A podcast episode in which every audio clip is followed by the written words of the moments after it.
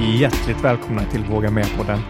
Podden för dig som älskar att aktivera det inre modet och utvecklas både fysiskt och mentalt. Med mig, Mikael Wigerud. Och med mig, Benjamin von Schmuck.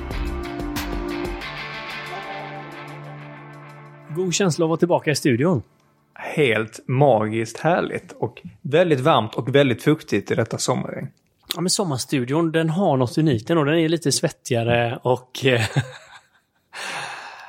För alla er som undrar varför det är svettigt, vi kan ju inte ha på AC'n, vi gör ju allt för ljudet. Så är det, vi försöker ju hålla en krispighet över Våga Mera. Och det får man väl verkligen säga att vi tar med oss in idag, va? Med både temat och eh, gästen som är här. Krispighet, svetten, ett samtal som eh, är högt aktuellt, men inte helt lätt. Nej. Det kommer till och med att bli lite sådär laddning va? I, i studion kring frågan och kring manlighet och normer och vad är rätt och fel och vad är framtiden och... Ja, precis, precis. Och det, det finns väl få saker att diskutera som är så tätt inpå. Det här med eh, manligt, kvinnligt, feminint, maskulint. Hänger de ihop? Hänger de inte ihop? Är de ett team och funkar tillsammans? Eller är det liksom olika polariserade parter? Och allt bortom det. Hur är man bara en härlig människa och lever sitt liv fullt ut? Ja, hur kan man vara någonting som bidrar till det bättre istället för den här bromsklossen? Ja, och vad, vad är en mer inspirerande fråga att ställa sig så här i semestertider? Jag tror att de flesta nu är på väg att gå på semester eller har redan börjat. Perfekta tiden för att eh, ja, men ge saker och ting en, en tanke eller två. Jo, vi kommer ju även kasta en potentiell sommarläsare här på bordet med gästens bok. Absolut. Så vår kära gäst vi har med oss idag heter Thomas Andersson och är bland annat författare till boken En sårbar man, vägen till inre styrka.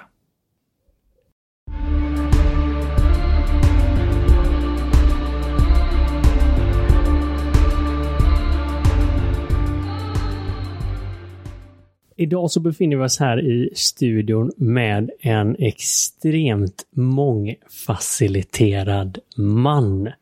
Han har visat att eh, den enda vägen är inte att bli snävare och mer specialiserad på det man gör.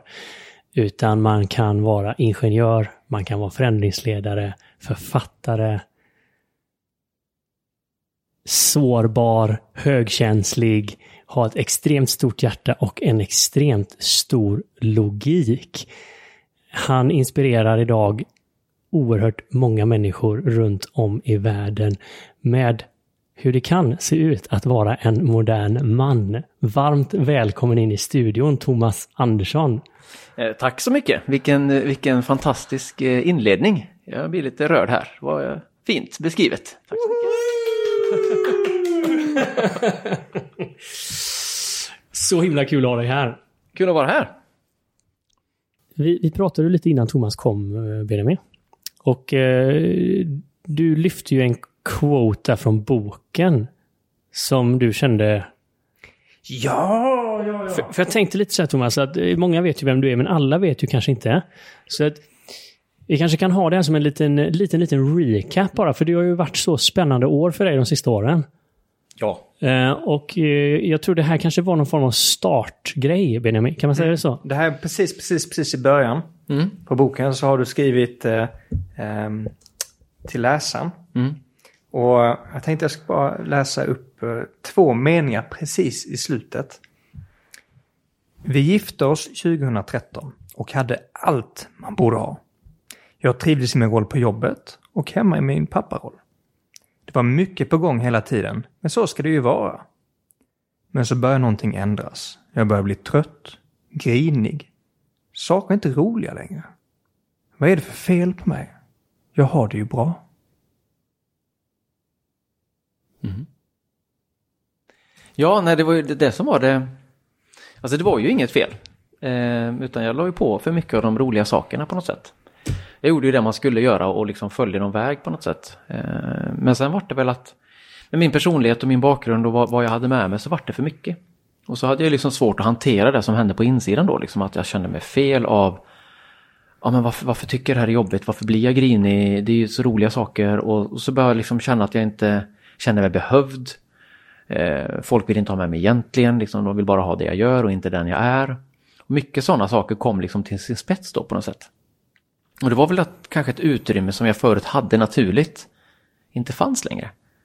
Och jag liksom visste inte liksom hur jag skulle ta mig därifrån så det var ju väldigt, väldigt, eh, ja, det var en jättejobbig period. Det var ju, eh, och det var, väldigt, ja, det var väldigt dubbelt, det var som att man var fast bara i, i massa görandet. Liksom. Det var som alla åtaganden på jobbet och sen skulle man liksom hem och så fixa och så ibland kunde jag liksom, man kunde känna sig helt slut, liksom helt gråtfärdig. Man kom hem jobbigt och så bara, ha då ska man ut med hunden och så ta in katterna och ut med det där och, och då krånglar, någon springer, alltså om någonting var för mycket så var man helt slut. Så det var, det var, mm, det var tuff, tuff period var det. Ja, eh, jag tänker lite på det, jag försöker följa med här i, i, i resan. Var det lite som att du kände att folk ville ha ett resultat från dig? Eller så någonting du producerar? Att du producerar att hunden fick gå ut på en promenad eller att det var mat på bordet eller att det var den där grejen på jobb hade kommit fram men att det inte var... Ja men det vart, ja vad ska man säga, det var, det var ju som ena sidan gjorde jag ju saker som jag ville. Alltså jag har ju oftast haft ett driv i mig liksom, vill skapa saker och på jobbet så var det liksom, det är klart man ska ta på sig den här säljarrollen och, och ha på mer uppdrag och ville göra väldigt mycket. Jag har ju alltid tyckt det var roligt att skapa saker. Det liksom under studenttiden så var det liksom både studentorkester och studentpub och klassföreståndare. Liksom jag har alltid tyckt det var roligt att vara med i saker. Så jag har ju liksom ofta tagit på mig de här sakerna. Det är klart jag kan hjälpa till. Eh, och så var det väl kanske någon, någon mix av en pliktkänsla här då, att man var kvar i alla de här, ja men vem är jag om jag inte fortsätter att hjälpa till? Så jag tror det var det som vart lite grann att, ja, men blir de arga på mig om jag slutar göra den här saken? Eh, vad händer om jag säger att jag inte orkar gå ut med hunden? Eh, hur ska jag kunna säga att jag vill ha egen tid? Kommer jag då bli omtyckt? Då vart det liksom att det kom då till sin spets. Liksom. Vad händer ifall jag eh, säger nej till den här saken på jobbet? Får jag inte fortsätta med min karriär då? För det var ju liksom att man ville vara med på alla fronter och det var som att skulle jag blotta en svaghet eller liksom blotta att jag inte orkar ville man ha kvar mig. För jag tror jag var fast i att, att jag behövs för det jag gör. Men man vill inte ha mig för den jag är. Det var ju min liksom verkligen sån känsla som jag kan se att jag har haft med mig ganska länge i mitt liv då. Att det har varit mycket det jag gör. Att, att det inte är den jag är som, som man vill ha. Då. Och det här är ju oerhört vanligt idag. Ja. Och, och samhället är ju väldigt aktivitetsfokuserat också. Mm. Och väldigt görande. Mm. Och jag tror de flesta som lyssnar på det tror jag kan känna igen sig i många av de här delarna. Och det är nästan som ett gift som du säger. Att när, mm. när det, det, det, är ju jättekul men så när det går över en linje då blir det ju som att man sitter i fängelse mm. i aktiviteterna. Mm. Men det är ju kolla på opera till exempel. You are amazing, you can do anything. Mm. Jobba med din självinkänningsfilosofi. Du kan leverera mm. så mycket mer, du kan göra så mycket mer, du kan göra så mycket mer. Så bygger mm. man upp den här bilden om vem man vill vara och att man är den personen och sen kanske man innerst inne inte är det. Men det är det att man det är det som är den produkten man tror att man ska vara mm. av samhälle, av sambo, av mm. alla. Ja, och sen också måste man också tänka att vi, vi står i ett väldigt, väldigt spännande skifte i, i världen just nu, både med digitaliseringen att, att förut så var det ju, kunde du pusha dig själv. Men det, för det fanns ju ett stopp. Liksom den enkla saken att jag, du hade inte en mobiltelefon när du började jobba, alltså för, för ett gäng år sedan. Och du hade inte din laptop och du hade inte den här tillgängligheten och, och när du inte hade telefonen så var du i mindre grupper. Och du kanske bara var med familjen. Så att det fanns ju en naturlig paus då. Men nu när inte den finns så har vi kvar en mentalitet egentligen från industrialismen då med en effektivitet att vi ska göra saker så effektivt som möjligt. Men nu kan du vara effektiv 24-7. Så de naturliga pauserna som förut kom helt naturligt finns inte nu. Så nu behöver du medvetet ta den här pausen men samtidigt så blir det lite beroendeframkallande och skapar den här liksom FOMO och vad händer ifall jag inte gör så att du väcker ju någonting hos kanske en del som har, i alla fall som jag kanske har den liksom känslan av att man vill vara den här pliktkänslan och vara med överallt. Då blir det ju, nu, nu, vad händer om jag inte är med? Så jag tror liksom det pushar några personligheter här på, på ett sätt. Eh, jag brukar ibland jämföra mig själv som en, liksom en fårhund. Alltså att jag tycker om att ha koll på saker och ting, man vill planera, jag tycker om att projektleda, skapa och göra saker. Och man, nu kan ni liksom visualisera det här, att jag, jag är den här fårhunden som har koll på min flock och man tittar så alla mår bra. Och liksom man kollar, kommer det några faror, kommer det någon varg, vad ska vi ta oss nu? Man liksom håller koll och springer runt på flocken. Men nu med det nya digitala och hela tiden, alltså vänner som alla olika sociala grupper och allting som är. Och då kanske det är tio fårflockar jag ska ha koll på. Och nu kan jag se den här hunden, han blir helt tossig. Vilka ska jag ha koll på, springa, vilka ska jaga, vilka har koll, vilka mår bra. Och då blir det ju för mycket. Och det tycker jag för mig är en sån bild man kan liksom se att det är ju det som händer nu. Att förut så klippte du naturligt vissa band med, med gamla klasskamrater eller andra sociala grupper. Eller du fick en paus. Men nu får du säga att okej, okay, vad händer för du inte svarar på ett sms? Vad händer för du inte är tillgänglig på de sociala medierna? Att du inte gillar den bilden, att du inte får gillanden. Ah, Maja fyllde år igår, jag har inte grattat henne. Precis, och vad väcker det då för känslor? Va? Så allting är ju liksom nu i någon sån extrem fas i den här alltså att ja, det, det kittlar i det liksom, vad händer liksom, det blir helt tokigt. Och då som jag kanske hade en sån en svag självkänsla i att jag är viktig för det jag gör och inte den jag är. Då blir det också ännu mer stressande. Så jag tror man just behöver vara medveten om att vi står i ett väldigt, väldigt extremt skifte nu. Hela världen som, som liksom människan inte har sett. Liksom. Vi är ju liksom 200 000 år gamla som människa. Och det som händer de senaste 10-20 åren är Världens det är största skifte. experiment. Ja, ja, men det är ju det och jag tror det är den som man behöver liksom backa upp och se. Vi står verkligen i ett sånt socialt experiment. Att vi är sociala djur. Och det är viktigt för att alltså umgås och liksom känna av, är jag bäst? Är jag bäst i gruppen? Förut var du bäst i stammen, bäst i byn, vad det nu må vara. Bäst på gatan. ja, men nu ska du jämföra det med hela världen. Det räcker inte att vara bäst i stan eller bäst i Sverige eller du ska vara bäst i världen. Och är du inte det, nej men då räcker det inte. Förut var du kanske bästa smeden i, i byn. Och då hade du din roll. Men nu blir det ju allting som blir liksom så här konstigt. Och just att vi, jag tycker det är så bra när man läser, Anders Hansen är en av mina favoriter också när han beskriver just det här biologiska av att liksom, vi förstår ju inte att vi, det är ungefär som att vi känner dem på andra sidan skärmen. Alltså de som är, om det nu är kändisar eller vad det nu må vara. Att liksom vi tror att ja, men jag måste ha koll på det, jag ska ha koll på skvallret, jag ska veta hur det funkar. Fast vi fattar ju inte att vi inte känner dem, men vi ser ju en bild. Så det är det som också blir en tokig del i det mänskliga just nu.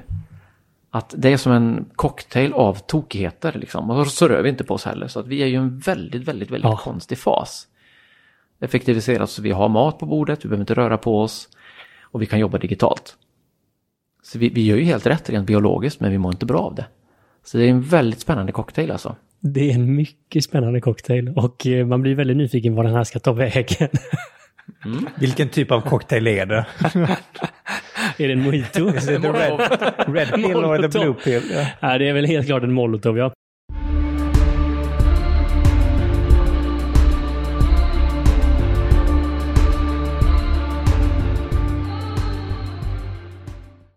Det är så mycket elände kring stress och utbrändhet och den problematiken. Men, men samtidigt så är ju den här bomben eller molotoven, den verkar också vara någon katalysator. Mm. Och jag har börjat använda den här jag har börjat använda den här meningen typ för att själv få en annan syn på det. Och då, jag tror jag sa till dig förra veckan Benjamin, så sa jag, det är väldigt få personer jag träffar nu som är intressanta, som inte har varit utbrända. Kan ni hålla med om det? Eller förstå vad den pekar mot? Jag förstår mot. vad du menar, ja. ja. Mm. Och det här ger på något sätt någon mening, tycker jag, till eländet. Mm. För att jag kan bara tala för mig själv och, och sen fråga er, men jag själv hade ju med största sannolikhet inte gjort några drastiska förändringar i mitt liv om jag hade haft några alternativ. Hur var det för dig här, Thomas? Kan du se det som en katalysator till det som tog dig till där du är idag? Ja, alltså jag är ju tacksam för det som hände, för det fick mig att, att verkligen ta tag i någonting. Så att, ja, ja, jag håller med dig att annars kanske jag hade gått liksom ovetande ganska, ganska mycket längre. Men samtidigt så, så tänker jag ju nu att nu hoppas man att, man att man inte ska behöva gå igenom det. Att vi kan vakna tidigare. Eh, men, men det är det som jag hoppas lite grann att den berättelsen som vi kanske har här och även liksom det jag skrivit i boken att det finns en, en hjälp där, att man inte behöver gå lika långt. Men så alla behöver inte gå lika, utan man kan använda Ja, man kan använda det liksom. Precis som Dina erfarenheter ja, kring att- lite grann. Men jag håller med. Alltså det finns ju någonstans i det här ändå att... Men det kanske handlar någonstans om att, att, att våga vakna då egentligen. Att våga bryta ett mönster och några kanske av oss behövde bli utbrända först innan vi liksom backar. Men att det finns ju att, att våga möta sig själv på något sätt. Ja, men säg, det- ja. jag tycker det är jättebra det du säger, men, men då, man kanske till och med kan säga det så här för att göra det lite mer inspirerande. Att, Mm. att pionjärerna kanske behövde bli utbrända. Vissa av dem i alla fall. Mm. Men nu kommer det, det finns, det finns mer, vi pratar mer om det. Mm. Vi är mer öppna. Det finns fler som du, exempel på hur kan man göra, vad gjorde jag, vad var min framgångsrecept? Mm. Känns det relevant? Testa själv. Eh, och vi ser ju yngre människor nu som är mer och Mm. mer intresserade av personlig utveckling, av spirituella saker. Och det är ju helt klart en uppvaknande process i hela... Så I hela det. världen. Ja, det är det. det, är det. Den är också så intressant, för jag är ju själv i den kategorin med personlig utveckling. Och, och ens, ens varför man vill personligt utvecklas. Jag sökte mig första gången till meditation och de bitarna för att bli mer effektiv på jobb. Till exempel. Mm. Mm. Och eh, det, det finns ingenting som säger att det är rätt eller fel sätt att använda meditation. Det kanske är eh, jättebra om man vill bli mer effektiv på jobbet. Men eh, jag kommer inte in på varför jag just vill bli mer effektiv på jobb. Nej, men, alltså, Nu nu kanske jag hoppar lite grann i tankarna där, men jag, att man kan också se det som en evolution. Av att, att ehm, det är också vad det finns brist av. Alltså jag vet inte om man alltså brukar tänka sina mor och farföräldrar så kommer de alltid med frågan Har du fått mat? Alltså det kommer alltid en sån nästan fråga. Har du ätit? Är du hungrig? Det var alltid en fråga man ofta fick i alla fall jag när man kom hem och hälsade på. Och det kan man ju faktiskt komma ihåg att det fanns ju faktiskt det fanns ju brist på mat. Vilket även gör fortfarande i stora delar av världen men, men svälten har ju försvunnit till större del. Men om man tar Göteborg till exempel hade ju ett bröduppror 1917. Det är strax över 100 år sedan att det fanns ändå att du gick hungrig. Och det kan man bara ställa frågan, även om vi nu har varit i en pandemi och kaos, så ofta har du gått hungrig? Kan du ens minnas när du gick hungrig sist? Ja, men jag hade problem att torka mig i röven. Ja, precis. precis, dasspappret, det var den största faran med, med pandemin. Nej, men att också att man har respekt för att, att det som har skett är ju att, att först var det att man ville se till att det inte fanns svält. Så det fanns ju ett syfte av att effektivisera och se till att det faktiskt finns mer mat. Och sen någonstans fanns det också med, med saker, alltså pryttlar och, och boende behövdes också effektiviseras. Jag vet min, mina föräldrar liksom, det var ju men det var utedass. Och det var ju liksom inte att du hade egna rum på något sånt sätt. Nu tror jag till och med det står liksom i sån här alltså gräns för fattigdom i Sverige att om inte barnen har varsitt eget rum så ses det som att det finns liksom som en gräns för fattigdom. Och det är också ganska nytt liksom att, att, att varje barn ska ha sitt eget rum. Så att på något sätt har vi liksom använt en effektivisering för att vi ska få det bättre. Och nu står vi bara i någon typ av skifte då. I att, att vad är det nu som är bra? Och det är kanske det som också ställer till det lite grann, att vi har en mentalitet, vi har ett arv inom oss nu. Så kommer mycket från det här att vi ska effektivisera, vi ska göra mer och mer. Men vi kommer ju ännu mer, vi ersätts ju av robotar, vi kommer ersättas av AI. Så det vi kommer göra blir något annat. Och det är kanske det som är förhoppningen, att det blir mer, mer medmänsklighet, att det kommer finnas mer för varandra och kanske yrkena, ja det kommer ersättas av någonting. Förut var det jättemycket som jobbade i jordbruket på fälten och, och jobbade där. Och sen var det manuellt i industrin och så tänker man, ah, nu blir det, kommer alla försvinna. Men, men allting skiftar ju. Ett jobbet handlar ju om att du gör någonting som jag värdesätter och alltså så att man får ett, ersätter någonting. Så att det är ju ganska spännande skifte, men vad det kommer bli är ju spännande. Men, men, men vi kommer ju ändå skapa saker. Men det är också att vi står i den här förändringen nu, hur kommer detta att gå? Och det är obekvämt, för vi vet inte. Och det är det som vi pratade om innan, att, att också att landa i, landa i att inte veta. Och också acceptera och liksom överleva en vinter nu till exempel. Att det är inte farligt det som sker, men det är en förändring. Och det kan kännas obekvämt att inte veta. Men hur ska man hantera det? Men varför är jag här? Vad är mitt syfte? Mm. Vilka tycker om mig? Det finns en massvis med... Och det, jag tänker på det nu när du på så sätt knyter an brödkrisen eh, eh, för ungefär hundra år sedan till att ja, då var ju syftet att inte gå hungrig, att inte dö. Mm. Men eh, om mitt enda problem idag är att eh, jag har en försenad leverans från Postnord. Vad är då mitt syfte egentligen? Men jag, kan, jag behöver egentligen inte anstränga mig någonting för att överleva idag. Nej, och där börjar ju krisen. Det, det är ju helt uppenbart. Och, och där har vi ju haft väldigt lite verktyg och metoder. Och vi studerar och pluggar hela livet. Här sitter, jag vet inte hur många högskolepoäng det sitter i studion idag. Men jag skulle gissa att det närmar sig tusen. och vi lärde oss på de studierna väldigt lite om livet. Mm. Och sen kastas man ut i det. Mm. Och, men också att det blivit ett skifte då. Att nu också, det är ju annorlunda nu, just det här eh, livet som vi är i nu. Att det har liksom dragit till, till sitt yttersta att, att försöka balansera och veta vad är det du behöver göra för att må bra. Förut behövde du inte tänka på det. Alltså man tar ju liksom pandemin som ett exempel nu när du jobbar hemifrån. Då är det ju lite, ja men vilket självledarskap har du för att se till att du mår bra under dagen? Du kan ju om du vill gå upp, sätta dig och jobba en kvart. Och så sitter du och jobbar hela dagen, sitter inne hela dagen. Och sen så är du jättetrött. Och så, jag orkar inte gå ut, jag orkar inte göra någonting. Och så är du hemma. Been there, done that. Ja, precis. Och, Och så då, tre veckor senare, kan inte resa mig nu för jag har så ont i ryggen. ja, men precis. Tror inte det behövs en pandemi för det. Ja, men precis, men du, för du gör ju rätt. Alltså rent, du, du på något sätt följer ju liksom din, din kropp, så säger du, ja men du gör rätt. Du är trött, du ska vila. Men förut var det så att du var ju trött för att du var trött av fysiskt arbete och då skulle du vila för att kunna jaga eller röra på dig igen. Men nu är det liksom tvärtom, så man behöver vara mer medveten kring, kring de beteenden vi har. För att nu är ju allting, vi gör ju tvärt emot vad vår kropp säger. För nu är det ju som att du ska äta när du får möjlighet, du ska äta så mycket som möjligt för det finns brist på mat. Okej, det är liksom ät så mycket du kan. Och du ska vila när du får möjlighet. Okej, nu kan du vila hela tiden. Och du ska ha koll på information, du ska kolla risker och kolla möjligheter så mycket du bara kan för att det är en fråga om överlevnad. Och nu blir det ju liksom, du gör ju rätt liksom.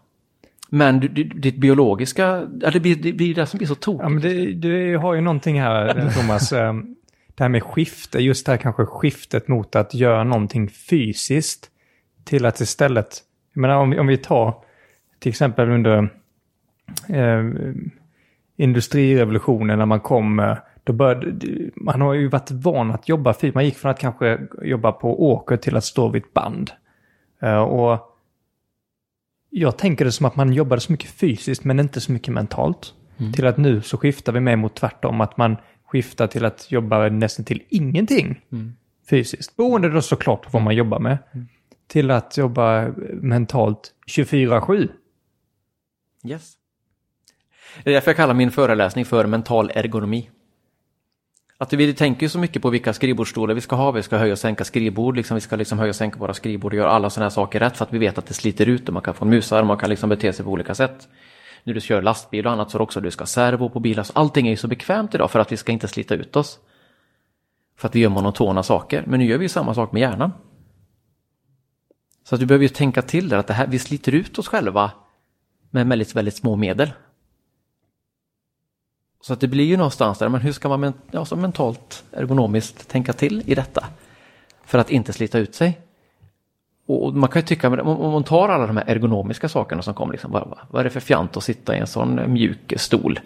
Höj och sänkbart skrivbord, vad fjantigt det är och ska du ha servo på, på bilen och ska du ha det, det känns väl lite, då är du inte riktig man om inte du har liksom har den här typen av liksom bekvämligheter i lastbilen så var det ju när de skulle föra in lastbilar och sådana liksom att riktiga män de ska ha liksom rejäla lastbilar liksom och de ska fan du ska ha stor ratt och du ska ha liksom en växellåda det ska fan du ska ha rejäla muskler om du ska ens kunna byta växel liksom. Idag är det ju en helt annan grej. Men då var det liksom en annan, det är en mentalitet där också som, som ja, det är jättespännande att liksom se det som att det är en utveckling, vi är ju i en evolution på något sätt i detta och nu har det bara gått jäkligt fort. Och vi hänger inte riktigt med. Det Man hör man nästan. ut. Ja, ja, men det är ju så med största sannolikhet. Men man hör ju också den här mansrösten. Ja, Eh, Jag ser både de här hippa rosa stolarna som kom in, kanske utan ryggstöd och som gick och gunga och sånt. Men också den här ratten som du säger utan servo. Och så starkt det här liksom att du är tunt eller du är mesig eller man ska inte behöva detta. Hur mycket som hålls tillbaka i det. Mm. Är det det som var, var det på något sätt det här du ville sätta ljus på också när du pratade om en sårbar man och Ja. valde den titeln på boken? Och, Mm. Jo men det var, det var ju väldigt där, för, för det var väldigt starkt när jag gick igenom den här, när jag mådde dåligt liksom. Och så var det just att, men jag kände ju så fel, jag är ensam med de här tankarna, för då kommer det upp lite grann att men det, är- det är bara jag som har tänkt så här. det är jag som är fel. Liksom det, det, är också, det har ju varit på något sätt att under hela mitt liv har jag känt att det finns en del av mig som jag inte ska visa. För den tänker för mycket, den ältar, den är fjantig, den funderar, den är liksom en del som inte är okej. Okay. Och det var ju det som gjorde det så svårt. Ja, men kan, jag, kan jag prata om att, ja, men till exempel relationer, att man kände att det, det gnagde lite i relationen. Ja men tänk om jag börjar prata om att jag är lite osäker på hur vår relation är just nu. Ja, det är bäst jag inte lyfter frågan för då kan det ju ta slut till exempel. Och sen så vart det bara att när vi inte pratade om de sakerna så vart det ändå att man drog sig ifrån varandra och vi liksom gled isär. Så för att jag inte tog upp det så, så tappade vi ju gnistan på något sätt också, att det tappade en känsla. Och samma sak det här med jobbet av att liksom inte att inte hålla ut och men det här, nu är jag för krånglig men jag säger nej till saker och ting, här borde man vara med. Så det fanns ju någonting där. Um, nu man vågar inte riktigt vara autentisk eh, Nej, mot sig själv. Precis, precis. Att, att jag tänkte, men jag har något fel, varför blir jag trött? Men ja. det är ju onödigt liksom. Det, det borde inte jag och de andra verkar ha det så lätt. Och,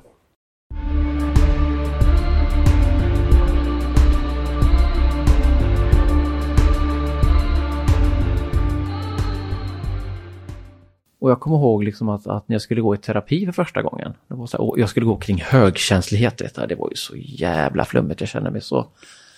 Jag vågade inte berätta för någon. Liksom, att, men jag, då hade jag ändå börjat med yoga, så jag tänkte att jag ska åka på en yogagrej, då skulle jag ner till Malmö och träffa en, en vän där som skulle få terapi. Och jag var där i tre timmar och det var helt magiskt att bara få prata. Och den enkelheten att egentligen bara få uttrycka hur man känner och tänker och få sätta ord på det och låta det få komma ut i, i rummet, bara det var så skönt. Oh. Och sen desto mer jag öppnade upp och pratade om de här sakerna så upptäckte jag att det är inte bara jag. Går du med samma tankar? Har du samma tankar? Ja men just det, vi är ju människor. Och sen när man började inse att jag är inte ensam, det vart det också lättare att prata, lättare att lyssna och fick höra andra berättelser.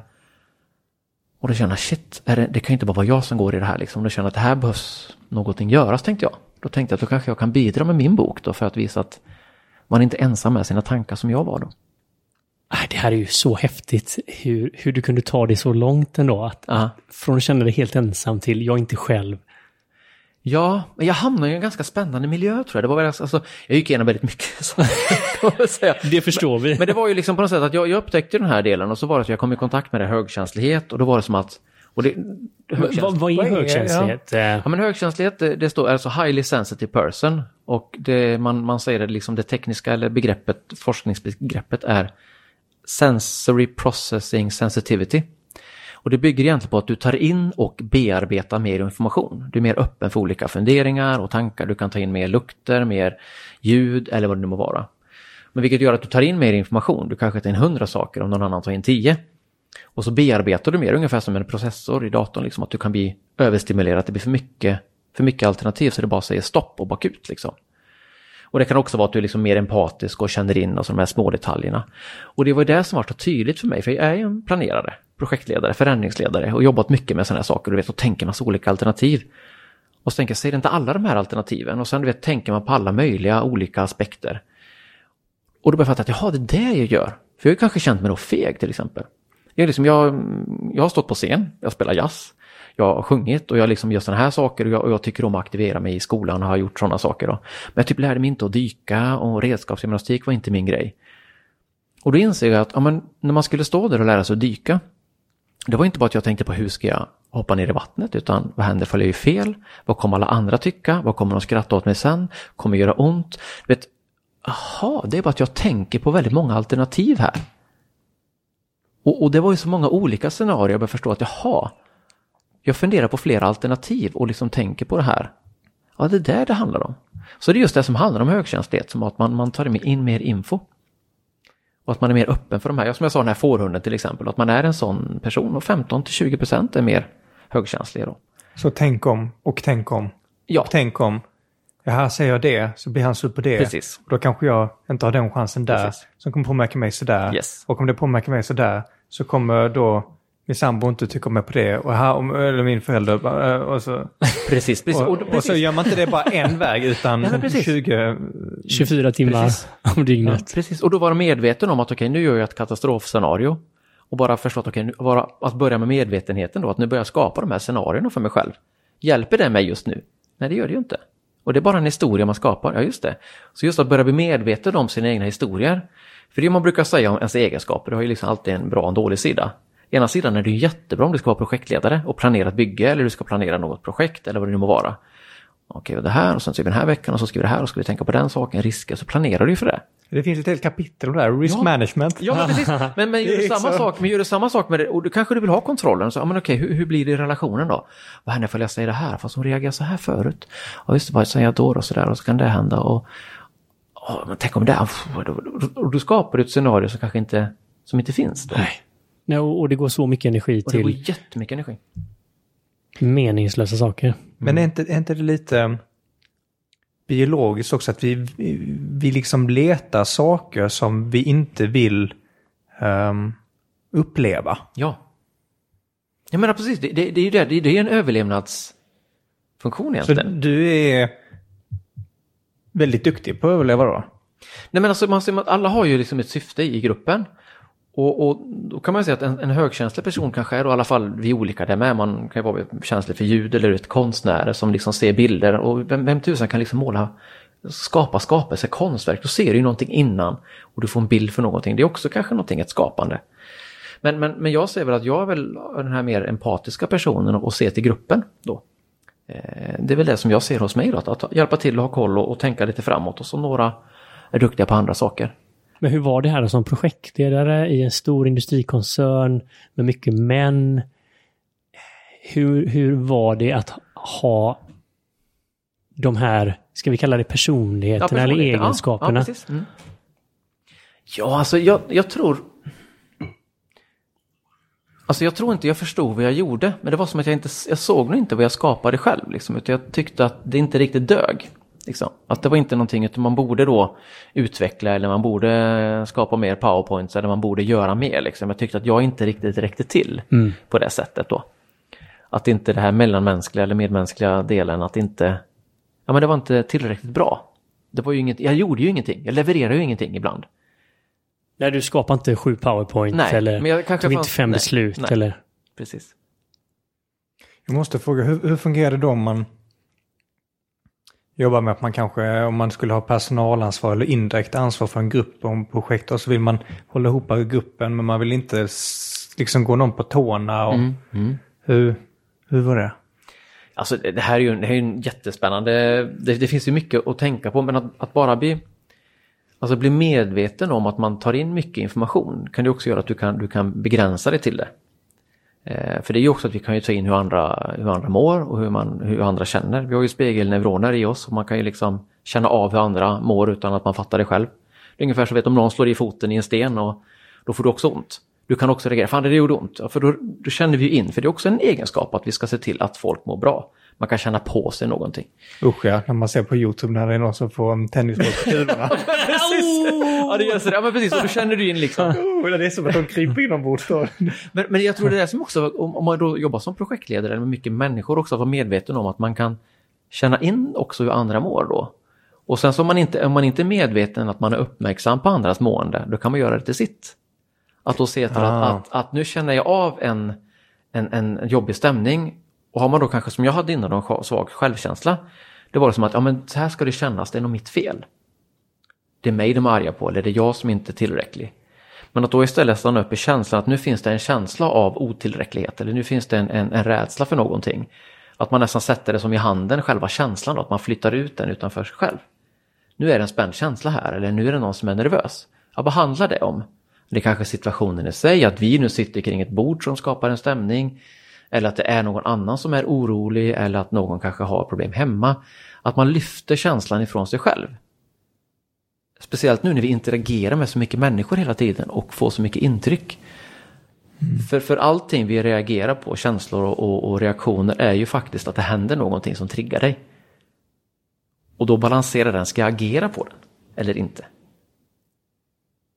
Och det är ju också en sån ny sak då i det här som sker just nu, att liksom stanna upp i den känsloreaktionen och inte agera utan förstå den då. Och, och, och släppa den och antingen med meditation eller liksom bara få, få iväg sig den eh, känslan. Då. Jag glimtar mot dig här nu Mikael med trigger-metoden. Är det ett steg? Pausa. Ta ett andetag. Det är ju väldigt effektfullt. Nej, men det är ju egentligen vad som helst, men att man kan, precis som du så fint beskriver, applicera mer medvetande i den Ja. situationen så att vi kan få mer information om vad som händer inom oss. Ja, och inte vara rädda för någonting. Och man kan liksom ge fullt blås där och se allting. Mm. Alltså först då, då kan vi börja ha möjligheten. Alltså om vi inte ens kommer dit, Mm. då är det helt omöjligt att göra någonting. Mm. Och, och sen, som vi har sagt många gånger, det där är ju lite läskigt i början. Mm. Och kanske alltid lite läskigt, för det tenderar att bli mer och mer komplext med tiden. Mm. Men det är jäkligt självklart när vi går till gymmet att då går vi inte dit en gång om vi ska bygga biceps till sommarsäsongen bara. Utan, Va? Utan vi det här? köper åtminstone ett, ett, ett årskort. Ja. Liksom. Men här så, så vågar vi kanske inte möta det här en gång under ett decennium. Nej. Och som du säger, hur kan vi möta det, skapa ett gap och sen kanske till och med ta en medveten handling? Ja. Då börjar det hända oerhört intressanta saker.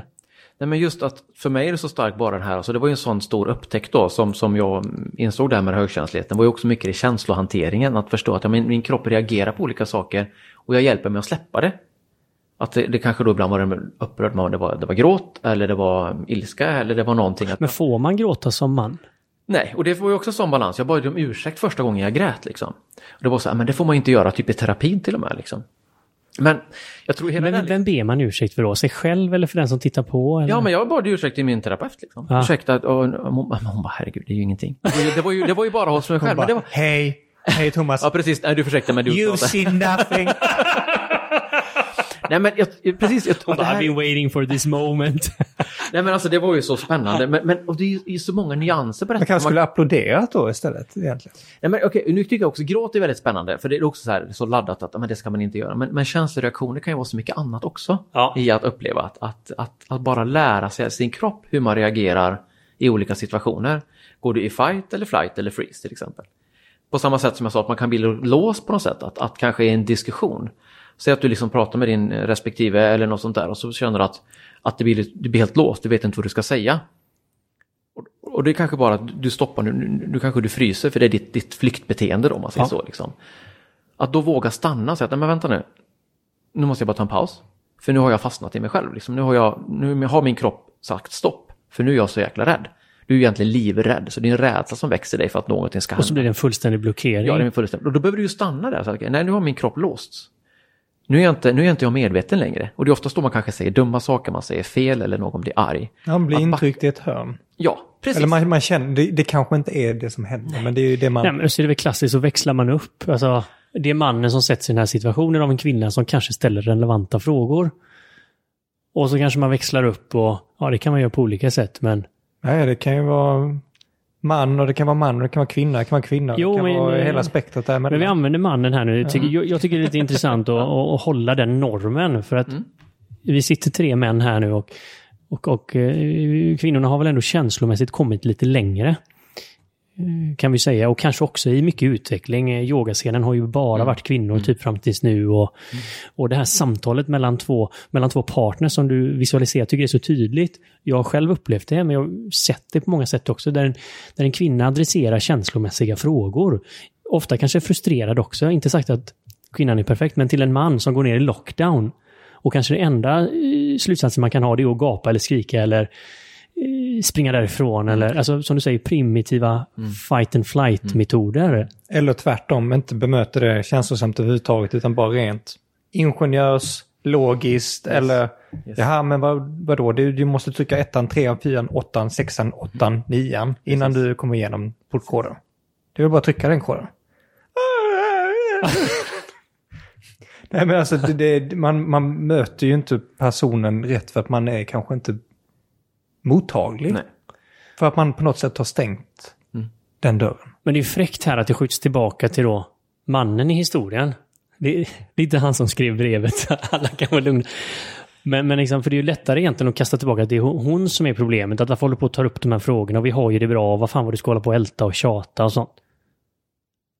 Men så är det ju det, det, det, hela problemet är den här mannen som är i lockdown och inte ens vågar att möta. Precis. Man är väldigt otränad liksom. Jag, det här är ju, nu raljerar jag lite grann. Jag raljerar. Jo men alltså det, det Men gör det finns, ju jag jag brukar, med. säga, jag brukar jag säga ett uttryck så här att, att, att män har lika mycket känslor som kvinnor.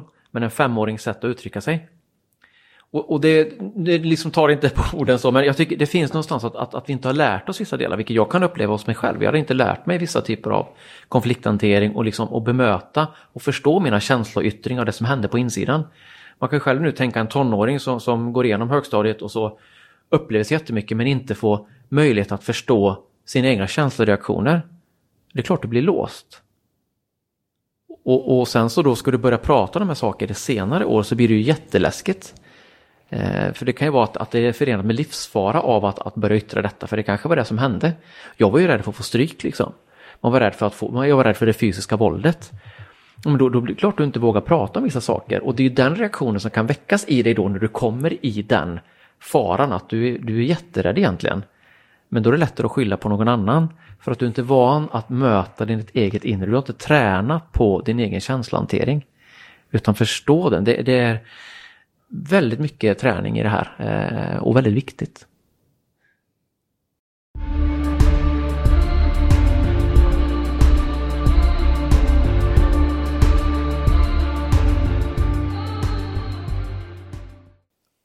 Om man börjar att lära män lite mer om mm. livet. Och jag tycker Dalai Lamas eh, quote är så fantastiskt, eh, på tanke med barn då, men om vi hade lärt alla barn att meditera så mm. hade vi förintat krig på en generation. Mm. Och den pekar ju egentligen bara mm. till det här som du säger, att, att förstå sig själv mer och vara mer med sina känslor. Och därifrån kommer man ta andra beslut mm. ju. Och det här är ju sån, det här är en sån laddad fråga här också. Vi, vi, jag tror vi skojade om det lite grann innan här, men att, att det här med maskulinitet och vara man att också om vi lyfter den här frågan är ju som att, ja men då får inte jag vara man, då får inte jag dricka bärs och kolla på fotboll. Ja men det är klart du får. Det handlar kanske om att vi kan bara få in något mer i vårt liv. Att vi kan utöka vad, vad det är att vara man. Att vi kan, nu i det här samhället som är just nu så behövs det något mer. Vilket kanske inte behövdes på samma sätt innan, men just nu så är vi i en annan fas. Så att vi kan utöka vad det är. Ja, men det, är inte ett krig om, om Nej, det är inte ett krig. mellan man och kvinna. Ja, och vi, alltså för det, jag kände det ganska mycket när jag började med den här boken, att det var mycket diskussioner kring, ja, men då får inte man vara så här och jag fick mycket kommentarer och liksom, ja, men liksom vissa hot. Förstörde du manligheten då? Ja, eller? men det var liksom lite hot liksom, men då får inte män vara råa och tuffa. Och jag, jag var ganska, det var ju ganska jobbigt för mig, jag fick ja, men lite tråkiga saker och var väldigt utmanande. Men på något sätt att man lyfter frågan, det handlar ju inte om, om det. Men känner sig folk nästan attackerade då? Ja. Att deras självbild ja. liksom... Ja men det finns ju, för eftersom det är en sån laddad situation, jag kunde ju då känna att min bok nästan var radioaktiv ibland. Alltså att man inte ens vågade ta i den, för tar jag i den boken då kanske... Då har du ju skrivit helt rätt. Ja, nej men att alltså ta någon i boken då, den heter Sårbar man, det kan vara att Ja men precis, att det, att det smittar av sig på då, att inte jag nog manlig till exempel. Va? Men att ändå att man lyfter diskussionen till att det handlar om att vi behöver ta ett, det är inte att diskutera din manlighet utan bara att vi behöver utöka så vi kan må bättre. Kan, så att kan... vi ska kunna finnas för varandra när det väl behövs. Det är det som är att jag ska kunna våga prata med dig när jag mår dåligt. Jag behöver våga prata med någon när jag har de här utmaningarna. Så att det finns som det här säkerhetsnätet. Men eftersom vi inte lär oss det och inte pratar om det. Så när du väl kanske kommer i en jobbig situation. Då vet du inte hur du ska göra. Så det är inte att man ska prata känsliga saker, jobbiga saker hela tiden. Utan att men jag vet att ni finns här när det behövs. Det är den liksom som jag tycker är liksom bara en nyans. för ja, Jag kan ju veta att jag går igång på den här frågan, men den, jag upplevde så mycket att den är så laddad den här frågan. Men den är laddad och man kan nästan känna det ja. här nu bara ja. när vi sitter. Och, och, jag vill blanda in ett annat ord här. Uh, styrka. Mm. För mig är det väldigt liksom, förknippat med uh, maskulinitet. Jag vet inte varför jag känner det så. Det är inte så att jag läst att det ska vara det eller att det inte ska vara förknippat med någonting annat. Men för mig så, så, känner jag på något sätt att, ja, men, att vara maskulin är att vara stark. Eller att liksom att, ja, men, har man problem ska man kunna gå till den där personen och prata för han eller hon absorberar det. Liksom, take my sins eller mm. whatever I've done, lite grann. Vad, vad ser ni på det här, det här associationen? Finns den, finns den inte? Vad är styrka? Är det förknippat det här med? Är sårbar ett anti-styrka eller är det tvärtom någonting som kan vara positivt för styrka? Ja, men det är väl det som är så bra att du pekar just det, för det, det känns ju som att det var den här aggressionerna mot din bok också, som att det skulle vara motstridigheter då, att om man blir sårbar så tar man bort styrkan. Mm. Mm. Ja men det, det, jag vet inte, ja det, det är en väldigt, jag tror också vi, vi, vi i väst har liksom den bilden också.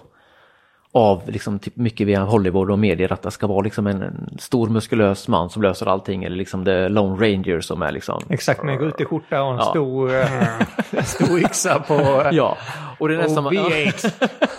Ja, man ser upp till den här liksom tuffa liksom, och det ska vara liksom, det är den personen man ser upp till. Liksom. Ja. Men, men när du mm, vissa delar av Asien och andra delar så har du en annan värdering på vad en bra vän är till exempel. Och vi har ju en annan bild på något sätt som kanske inte hjälper oss så väl mycket. Nej men så fort, eh, så fort du tar upp någonting då som kanske skaver inom det eller någonting. Och jag kan nästan känna ibland så här locker rooms effekt och så någon då, eller vi kan säga jag i den här stunden, tog upp någonting som inte lirade helt inom mig. Är du bög eller? Yes.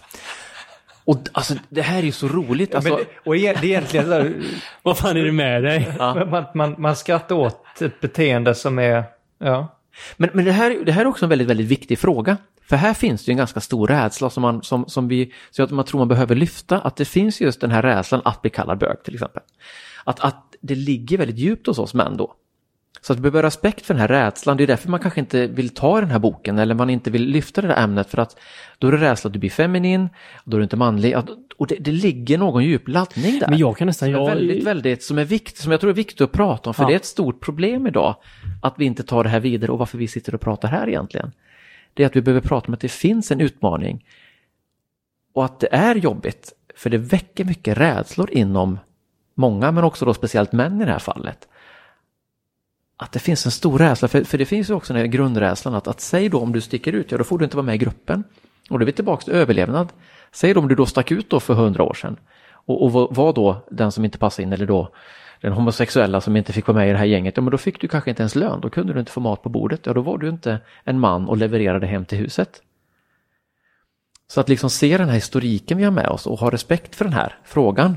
Och sen är den helt eh, tokig egentligen, att vad, vad spelar det för roll om, om du är homosexuell eller inte? Och det finns väl här fortfarande i allra högsta grad, men samtidigt kan man ändå säga hur mycket som har hänt på de sista, ja men det sista decenniet bara. Och det är ganska roligt när man sitter med en sån här fråga själv. I i min ungdom har jag sagt grejer som jag inte kan vara helt stolt över idag också. Men ändå så här, hur fan kan det vara ett problem om det är kärlek mellan två individer? Av alla grejer i världen, hur kan två människor som tycker om varandra bli ett problem? Och, nej, men, precis, och vad är för, för rädslan blir också ganska intressant, för det är också som att, ja, men, tror du det om mig? Eller ungefär som att det kanske smittar av sig. Exakt. Och det är också exakt. som att, men det är också, då går man ju nästan tillbaka till den här, då, då är vi tillbaka till den här rädslan för, för dig själv då. Men är du stark i dig själv, så spelar det ingen roll om du sitter bredvid en, en, en eller liksom det spelar ingen roll för dig om någon annan tror det. Och om någon då stöter på dig och du inte är homosexuell, ja men då säger du nej. Så någon typ Alltså, av men det finns- egoistiskt självförsvar. Ja, men alltså den här det- killen som ville peka på den Ja. här andra. Liksom, vem är det egentligen som har issues? Mm. Alltså, vad är han, varför behöver han visa för dig att han absolut inte är det? Men den här killen där borta i hörnet, han har intressen av män. Men jag då, som pratar med dig Benjamin, jag är superstraight Precis. och ascool. Precis. Precis. Varför Liksom. behöver du ens berätta? Ja. Det är det som är, du behöver, varför behöver man ens berätta det? Det är ju det som är så sjukt spännande. Ja men det är precis, och det, det här som jag tror liksom finns, det finns ju en grundrädsla någonstans hos män. I att liksom bli utanför gruppen. Och, och, och det, det, det är ju den som också är väldigt laddad. Om man också tänker kring, om, om vi hoppar lite grann, hoppar lite grann kanske, man... Men det finns ju också en norm bland män, om man säger så, så att kvinnor, våldtagna, liksom misshandla kvinnor, det ska man inte göra. Och där är våld fel, liksom. det, det är ju kvinnans rädsla för, för de destruktiva männen. Men vad är män rädda för? Ja, men de är också rädda för att få stryk eller då bli liksom utsatta. Men vad händer om en man får stryk eller blir utsatt? Ja, men då ska du man up. Du ska slåss för dig. Du ska, du ska vara en man. Så Och någonstans... inte bara det, för förlorar du så åker du längre ner i den manliga hierarkin också. Yes. Och det blir inte lika, um, du har inte samma typ av um, förökningsmöjligheter. Nej. Man kan Precis. säga Så det så. finns, ja, precis. så det finns ju en rädsla där med, liksom, i den delen av att, att, att vi också tillåter det. Jag tyckte det var ganska bra den här eh, Gillette-reklamen för några år sedan, liksom, att eh, boys will be boys, boys will be boys, de här som bråkar, jag vet inte om ni såg den reklamen, det var ju liksom Ja, väldigt jag mycket ramaskri. avskydde den. Ja, det, det, det kan man Men hur var den? Kan ni berätta? Jag, jag vet Ja. inte om jag har sett Men den. det var ju en reklam kring eh, då och så var det liksom att det var två pojkar tror jag som började bråka på, på sådär och så typ några stoppar dem liksom. Ungefär som att man, men man ska tillåta pojkarna att fortsätta bråka för att de ska ju få göra upp för de är ju pojkar och pojkar kommer alltid få bråka. Det ska man alltid göra. Och det kanske finns någonting, men några bryter ju upp det här bråket, att man men, slutar bråka. Liksom. Och det vart som att vi ska inte låta boys få bli boys, utan vi måste göra en förändring. Men det var ju väldigt mycket ramaskri kring den här reklamen, att men, män ska få slåss och det är mans, alltså massa, massa saker kring det maskulina då. Men alltså bara frågan i sig att Sen kan man tycka vad man vill om den reklamen. Ja. Men att vi ändå har ett okej okay för sig att, att vi tillåter våld, liksom, eller liksom att, att det är okej okay att, att snacka skit om killar, snacka skit och slå killar. För att de borde ändå kunna skydda sig. Och så skapar vi ett beteende av att, att, att ja, vi skapar något konstigt destruktivt då. För då säger vi till att ja, men, man, ja, men du är en dålig man om inte du kan stå upp för dig själv. Men om du då är en, en mjukare man då som kanske liksom inte tror på våld och inte vill bråka, ja då är det ju väldigt fel. Så då har vi en norm som är liksom lite sned då i att vi tillåter ju då även inom bland män då att vi tillåter ett våld.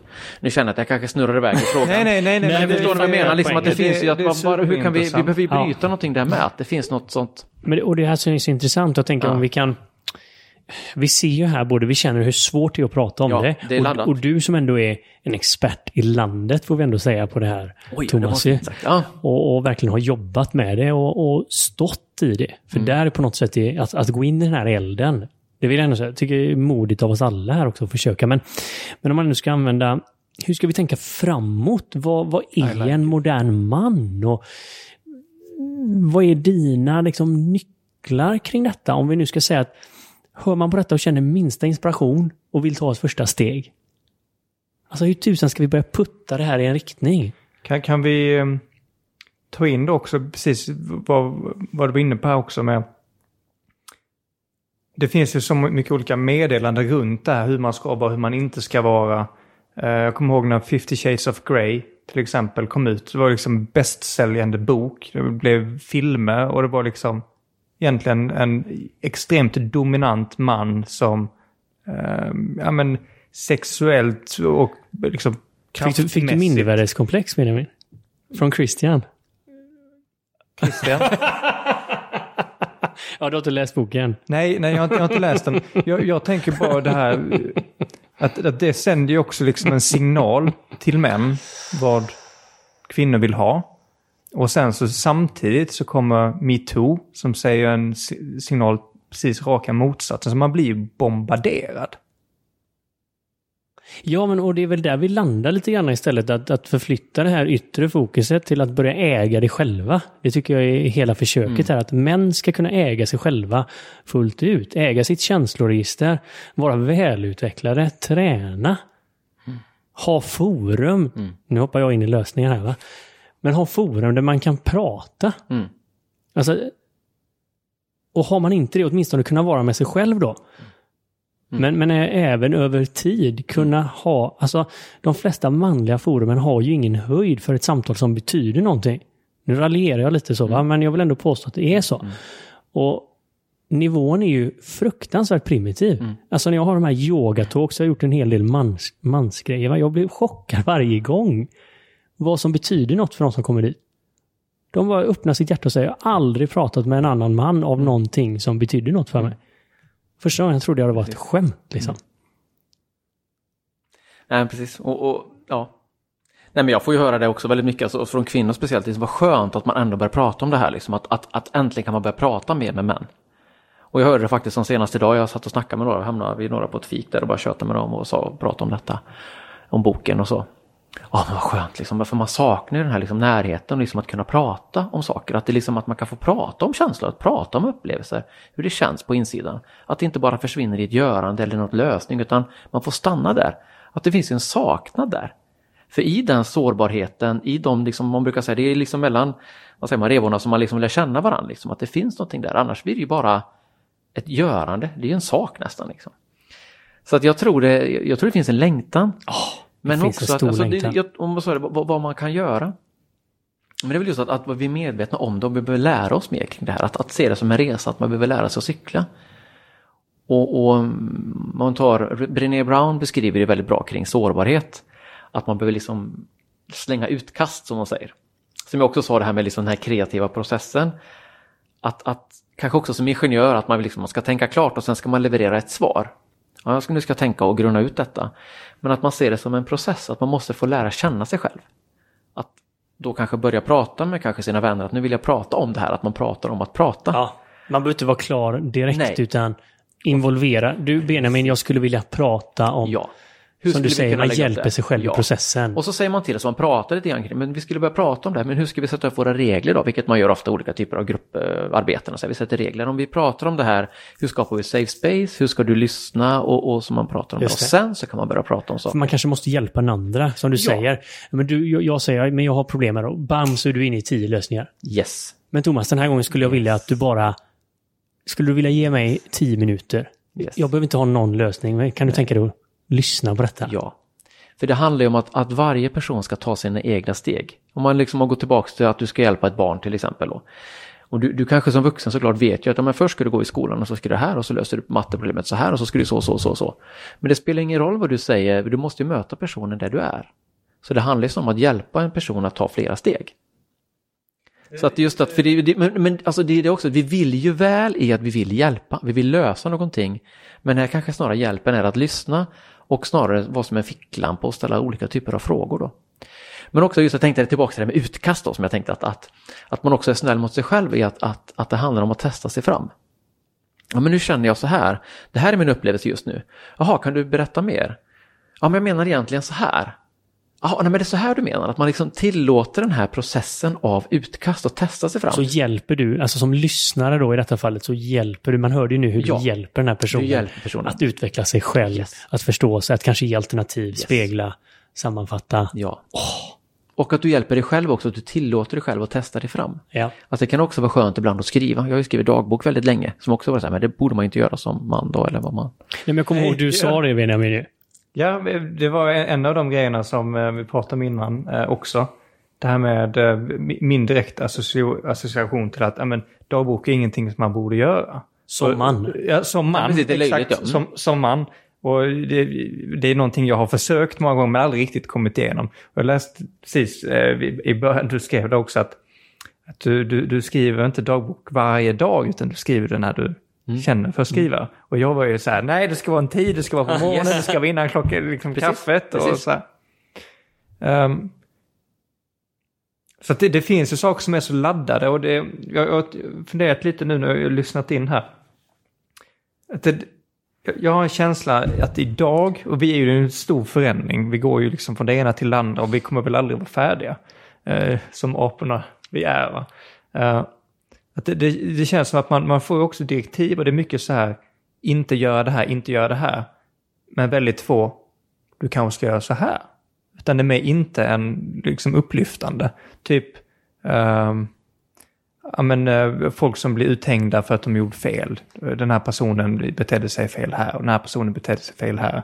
Um, och tar vi den här 50 Shades of Grey till exempel, det är väl typiskt en person med väldigt stängd inombords.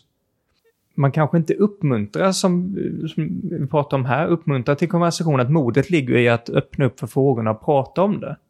Till exempel den, här Gillette-reklamen var väldigt lite att prata om det, utan det var fortfarande man som höll tillbaka, man fysiskt höll tillbaka. Eller någon som separerade fysiskt. Det är liksom, kan vi inte vara lite mer civiliserade? Ja, men vi har varit inne på det. Det, det. Många gånger är det ju inte så svårt och det är inte så stora kontraster. Det är inte så här att vi inte ska dra roliga skämt och dricka öl och kolla på fotboll. Men om man hade haft de här två minuterna som behövdes innan kanske, så kan man ha ännu roligare att kolla på öl och, och skratta och kolla på fotboll. Men om det var en sak som man behövde ta liksom, eller som du säger, få lite feedback på, eller bara hålla space två minuter. Men nu när vi eliminerar detta så till slut så eliminerar vi ju livet ur oss. Och Då spelar det ingen roll om vi är man eller kvinna. Men i och med att det här är lite mer påtagligt i den manliga liksom, rollen. Mm.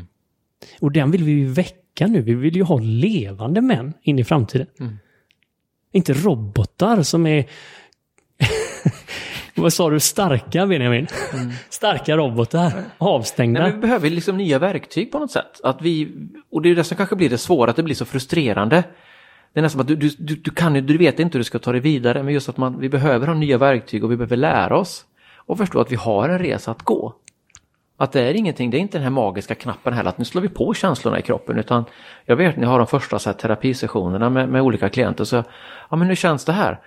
Och så går man upp i huvudet och försöker lösa någonting. Nej, men hur känns det i kroppen? Var någonstans känns det? Att bara landa där. Och att, att man tar de här delstegen, det är liksom, tänker att vi män också behöver förstå den här våran historik av att vi har inte fått träna på det här på samma sätt. Och då behöver vi vara snälla mot oss själva. Och även, alltså hela samhället behöver också, också ha en respekt för att vi, vi behöver träna på detta, men också männen behöver ta sitt ansvar i att, att förstå detta och träna på, öka sin medvetenhet kring sina egna känslor och funderingar och tankar och ta ett ansvar där. Jag gillar att komma in på samhället där. Just att eh, men är det någonting man antagligen inte lär sig eh, under liksom, eh, skolgången i alla fall. Sen kanske man har föräldrar som eh, gnuttar lite livsläxor så att säga. Men det är just det här hur man kanske ska agera på, på känslor. Om vi pratar man där också att um, får man inte utlopp för sina känslor då kanske det blir fysiskt. Och det finns ju liksom ett verbalt våld också, kanske ännu vanligare hos kvinnor. Om inte det liksom mynnar ut i fysiskt våld. Men att man kanske eh, liksom överhuvudtaget inte har fokuserat på den här mentala stabiliteten och eh, den biten hos individen. Utan det har varit viktigare att lära sig matte och engelska och språk och eh, historia också superviktigt och religion. Men att lära sig hur man hanterar konflikt, hur man neutraliserar, hur man faktiskt kan vara arg och att ibland så behöver man vara arg och direkt. Det, det, det närmaste man kommit är väl när det gick fel på hemkunskapen.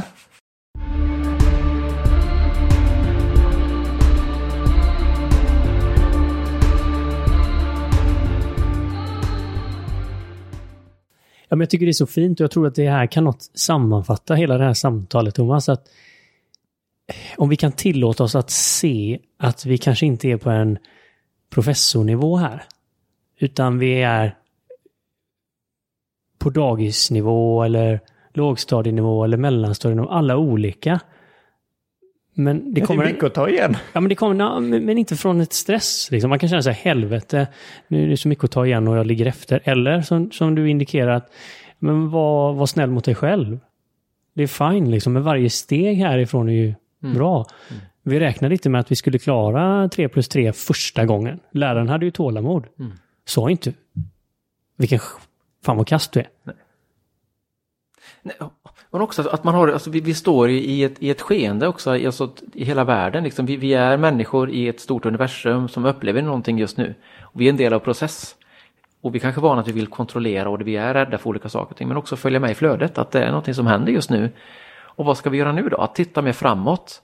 Det är ju lätt, jättelätt att sitta och ångra över saker man inte har gjort. Men det är också lätt att titta framåt, vad kan vi skapa mer då?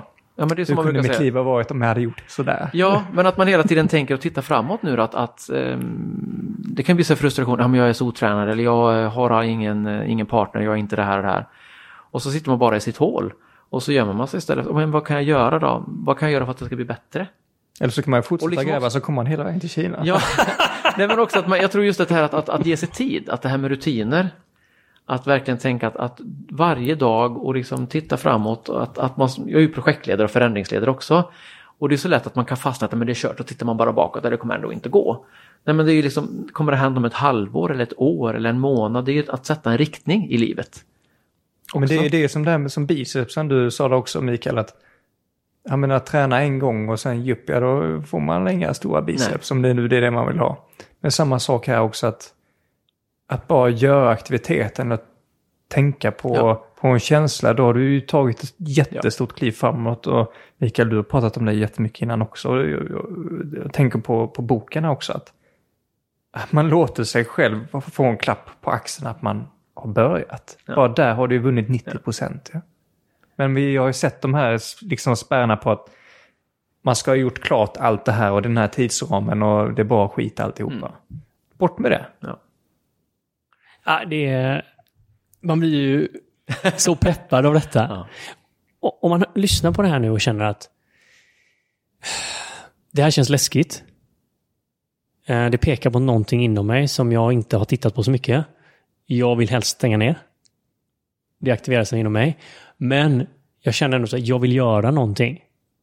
Vad skulle du vilja skicka med ut till lyssnarna att börja så här eller ta ett första steg? Ja, men jag tror just det här första steget är ju mycket, att, att, att stanna upp faktiskt och liksom, liksom börja titta lite i sig själv. Och sen finns det ju jättemycket att läsa på nätet, alltså att söka på området. Det finns sådana här fantastiska poddar som ni har. Men det finns också väldigt mycket annat att läsa. Eh, och liksom börja läsa på det och så börja också inse att man är inte ensam. Det var ju precis det jag kände, jag, ja, men jag är den enda som tänker och känner så här. Nej, så är det inte. Som du känner så, så nej, du är inte ensam. Du har din bakgrund och din historia och du har upplevt dina saker på ditt sätt men andra har upplevt liknande saker fast med olika personer, olika händelser i sitt liv. Och kanske finns liknande personer i grupper som har upplevt samma saker, så börja leta där. Och sen att börja prata. Antingen om det är med någon god vän eller med någon i familjen eller söka professionell hjälp att, att också ta det första steget. Det kan också vara skönt att få, få hjälp och guidning i detta. Och det kan också kännas, bara att ta de stegen kan vara väldigt stora. Eh, jag vet själv det, att det var jättestort att ta de här första stegen, att börja öppna. Men mm. att det går. Tycker jag kollar på Himalaya här nu. väldigt stort berg. Mount Everest kom åkande. Ja, men jag verkligen tar att, att det, också att det kan vara snabbt i att man vill, liksom, man vill lösa allting just nu. Men också att, att ta första steget. Det är ungefär som du ska börja plugga på, på högskolan och så tänker du, fan det där examensarbetet kommer jag aldrig att klara av.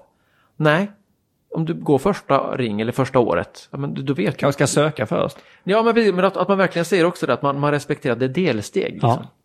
Nej, men där vi, blir det ju vi väldigt glömmer tydligt. det så snabbt. Liksom. Jag vill, det här borde jag kunna. Ja, det kanske det borde, men nu är det ju så att så är det inte. Alltså kolla nuläget, vad står det just nu? Nu är det så här. Okej, men vad behöver du göra för att komma vidare? Okej, nu får jag faktiskt börja och, och, faktiskt läsa in matten så jag ens kommer in på, på högskolan till exempel. Och sen är det okej, nu behöver jag göra de här åren, sen så kommer jag kunna skriva mitt examensarbete. Men vi är också så vana att det ska gå så fort. Vi är nästan liksom frikopplade från hela naturen. Liksom, vi står ju inte och skäller på björnen när den sover på, på vintern i det. Liksom, jävla björn, upp och hoppa liksom. Vaknar du, du är ineffektiv. ja men samma sak, så står vi inte liksom på våren och tittar på, fan jävla frön, jag har planterat er. Väx snabbare era jävla liksom. Utan vi lugnt och tålmodigt väntar till vi kan skörda. Men det är liksom, vi är ju hela tiden att allting ska gå så otroligt fort.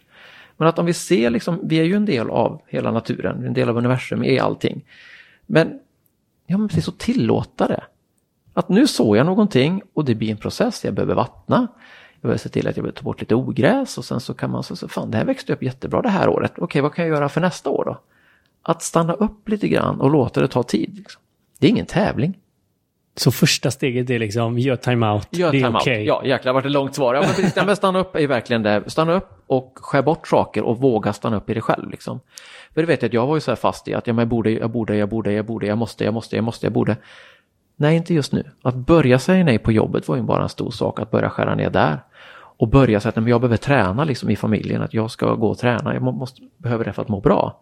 Jag vet, jag hade dåligt samvete när jag satt i bastun första gången, liksom, typ, och efter någon träning. Och, nej, jag borde ju åka hem och göra någonting. Att bara liksom de delarna, att börja skapa lite space för sig själv. Men då tack vare att jag skapar space så börjar jag liksom få nästa kraft i att. För jag kände väldigt starkt när jag var liksom och, och där i utmattningen att jag fick bara en stark känsla inom att jag behöver, min kropp behöver må bra för att jag ska kunna ta hand om det mentala. Så det var liksom mitt första steg. Build Skala the temple eller vad man kallar det. Vad sa du? Build the temple. Ja, men lite grann så att, att man, okej, men då, det kan ju vara ett första steg bara att se till att din kropp mår bra. Börja promenera, börja träna, skär bort på någonting. Och sen så känner du att men nu är det redo för nästa steg, då kanske man kan prata om det. Att hitta de här goda rutinerna som hjälper en framåt någonstans. Det här är ju så roligt och jag tror vi skulle kunna hålla på med den här podden hela dygnet. Men eh, om man vill ta del mer av dig, Thomas, Ja, hur gör man då? ja boken Sårbar man, vägen till inre styrka finns ju på, på nätet. Om man vill titta och läsa boken. Det finns även som ljudbok på Storytel och sådär. Och sen kan hittar man på min sajt då, thomasandersson.se finns det där. Men då kan man tänka att man har ett enkel-s då i ett s bara i efternamnet, annars kommer man till en trubadur. Och sen th med, med, med h då, Thomas med th. Så thomasandersson.se finns det lite andra länkar och sånt smått och gott. Och såad man vägen till inre styrka. Ja. Finns på engelska nu också? Ja, The Vulnerable Man släpptes här för två månader sedan, så nu gör vi lite på engelska, på utrikiska som man säger då. På Volvo-engelska. You know the Volvo Gothenburg English. We hold each thumb for uh, your uh, Yes. American uh, launch. Men uh, thank you so much. Så spännande och Ja, det är roligt. Så insiktsfullt. Ja, alltså fantastiskt roligt att ha haft det här Thomas. Kul att få vara här. Vi tackar ödmjukast. Stort tack. så mycket. Tack så mycket.